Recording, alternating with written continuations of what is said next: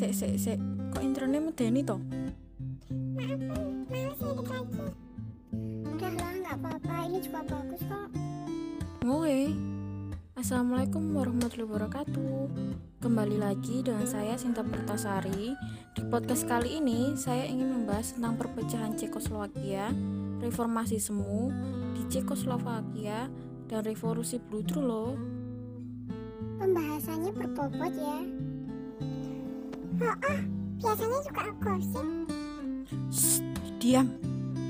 Kalian tahu nggak sih, kalau dulu negara Cekoslowakia itu pernah bersatu, tapi karena beberapa faktor, Cekoslowakia berpisah. Kalian tahu nggak penyebabnya? Pasti gara-gara nggak pernah ngasih kabar, karena si Ceko egois, terus Slowakianya nggak mau ngalah. Jangan ngadi-ngadi kalian. Terus, apa dong penyebabnya? Nah, pada tahun 1980, tanda-tanda keruntuhan Cekoslowakia mulai terlihat. Beberapa faktor yang menjadi latar belakang runtuhnya Cekoslowakia antara lain adanya sistem ekonomi terpusat, sehingga ekonominya mengalami kemunduran, tumbangnya rezim-rezim komunis di Eropa Timur, dan Slowakia juga dianggap hanya menjadi beban anggaran Ceko. Dih, beban negara. Pantas aja Ceko nggak betah sama Slowakia. Eh, jangan seuzon, nanti jatuhnya fitnah. Terus-terus, gimana kelanjutannya? Pada tahun 1922, diadakan negosiasi yang melibatkan Mahkamah Konstitusi Federasi dan pada tanggal 25 November 1992, Mahkamah Konstitusi Federasi mengesahkan Undang-Undang 542 yang menyatakan bahwa Cekoslowakia terbagi menjadi dua negara, yaitu Republik Ceko dan Republik Slowakia. Baik beban negara. Yes, resmi cerai. Astagfirullah. Lanjut topik berikutnya ya. Reformasi semu di Cekoslowakia. Cepat jelasin.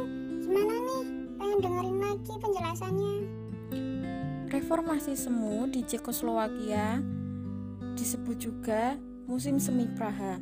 Musim semi Praha yaitu gerakan Cekoslowakia yang dipimpin oleh Alexander Dubček yang berusaha membebaskan dirinya dari dominasi komunis Uni Soviet pada tahun 1968.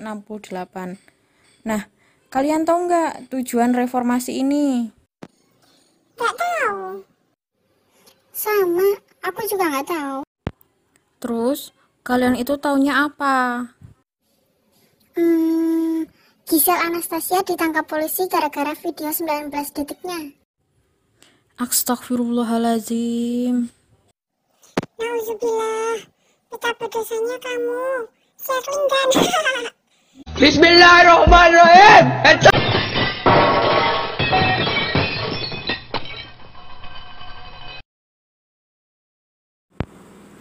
Lanjut ya. Tujuan musim semi Praha yaitu berusaha menggabungkan prinsip kepemilikan negara terhadap alat-alat produksi dan perekonomian, serta demokratisasi politik dalam pemerintahan.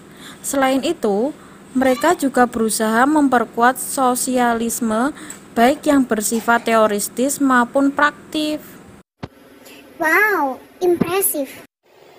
Nyanyi dulu pun, biar nggak mikir terus. Satu,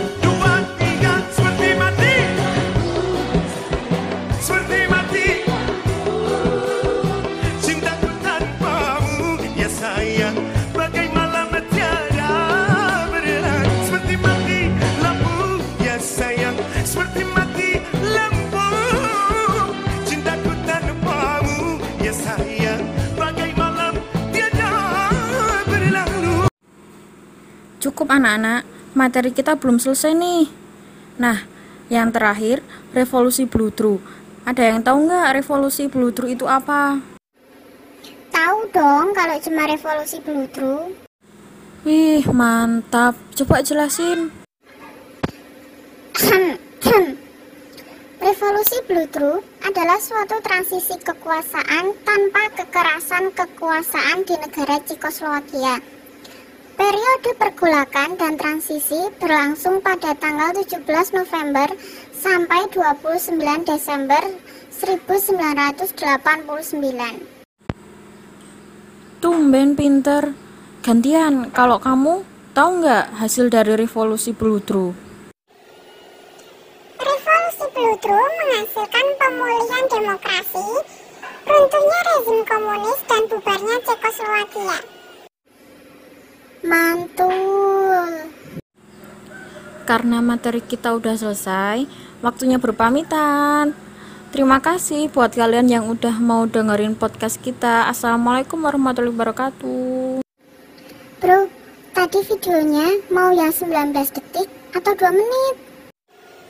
2 menit dong. Oke, tapi nanti transfer ya. Bismillahirrahmanirrahim. Headshot.